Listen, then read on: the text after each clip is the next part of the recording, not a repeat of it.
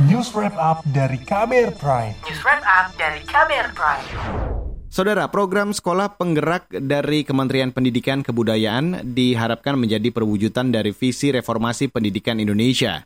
Nantinya program ini akan fokus pada pengembangan sumber daya manusia di sekolah, mulai dari siswa, guru, kepala sekolah hingga ke digitalisasi pendidikan. Bagaimana persiapan sekolah di wilayah terluar, terdepan, dan tertinggal atau 3T menyambut digitalisasi pendidikan? Berikut saya hadirkan laporan khas KBR yang dirangkum Mutia Kusuma Wardani. Digitalisasi pendidikan yang digagas Kementerian Pendidikan dan Kebudayaan diklaim mampu mengurangi kompleksitas, meningkatkan efisiensi, dan pendekatan yang disesuaikan, terutama di masa pandemi virus corona.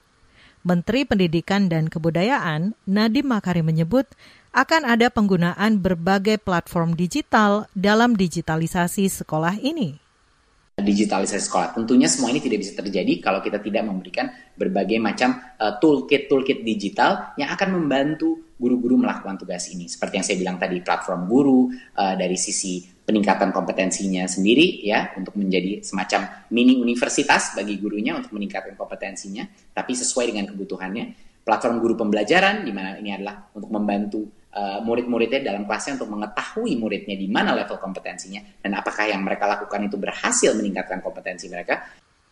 Mendikbud Nadiem Makarim juga optimistis, digitalisasi pendidikan dapat dimanfaatkan untuk meningkatkan fleksibilitas, transparansi, dan akuntabilitas dalam manajemen sumber daya sekolah, termasuk di instrumen rapor pendidikan, serta dapat memotret kondisi mutu pendidikan secara akurat dan otomatis.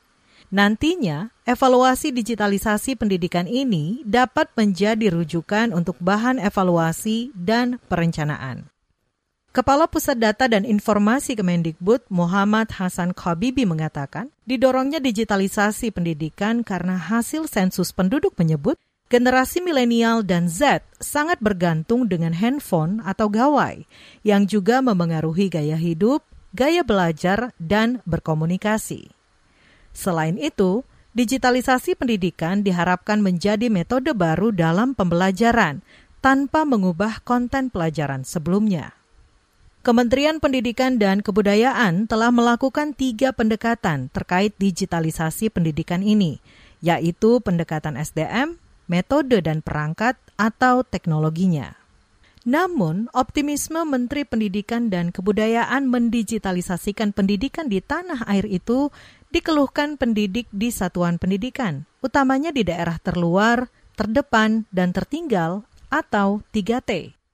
Kondisi geografis, ketiadaan sinyal internet atau sinyal internet yang buruk, harga kuota yang mahal menjadi keluhan dari beberapa pendidik di tanah air.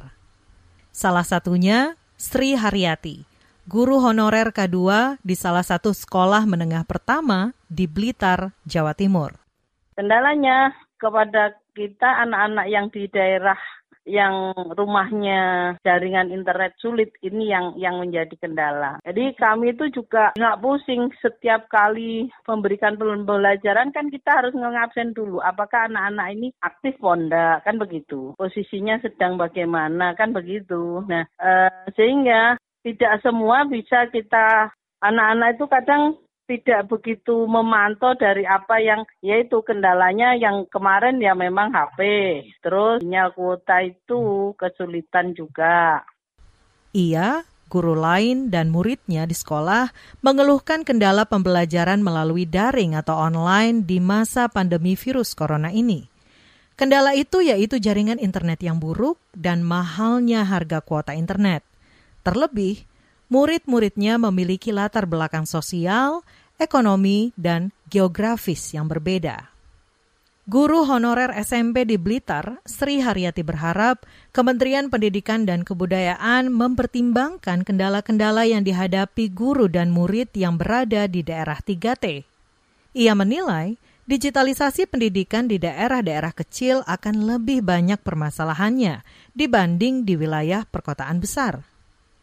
Pesimistis terhadap penerapan digitalisasi pendidikan di daerah 3T juga disampaikan komisi yang membidangi pendidikan di DPR. Anggota Komisi Pendidikan DPR, Ferdian Syah mengingatkan Kementerian Pendidikan dan Kebudayaan terhadap kesulitan penerapan pembelajaran jarak jauh dari guru dan siswa. Apalagi berdasarkan data SMRC, ada 92 persen pelajar yang kesulitan menerapkan pembelajaran jarak jauh. Sebenarnya juga menjadi pertanyaan kami dari Komisi 10 waktu itu, karena Dikbud pun dalam renseranya yang versi Dikbud mengatakan lebih dari 47 ribu satuan pendidikan tak memiliki akses listrik dan internet. Artinya kalau dikatakan 47 ribu, bisa 60 ribu, bisa 70 ribu dari 220 ribu satuan pendidikan yang di bawah Kementerian dan Pendidikan dan Kebudayaan.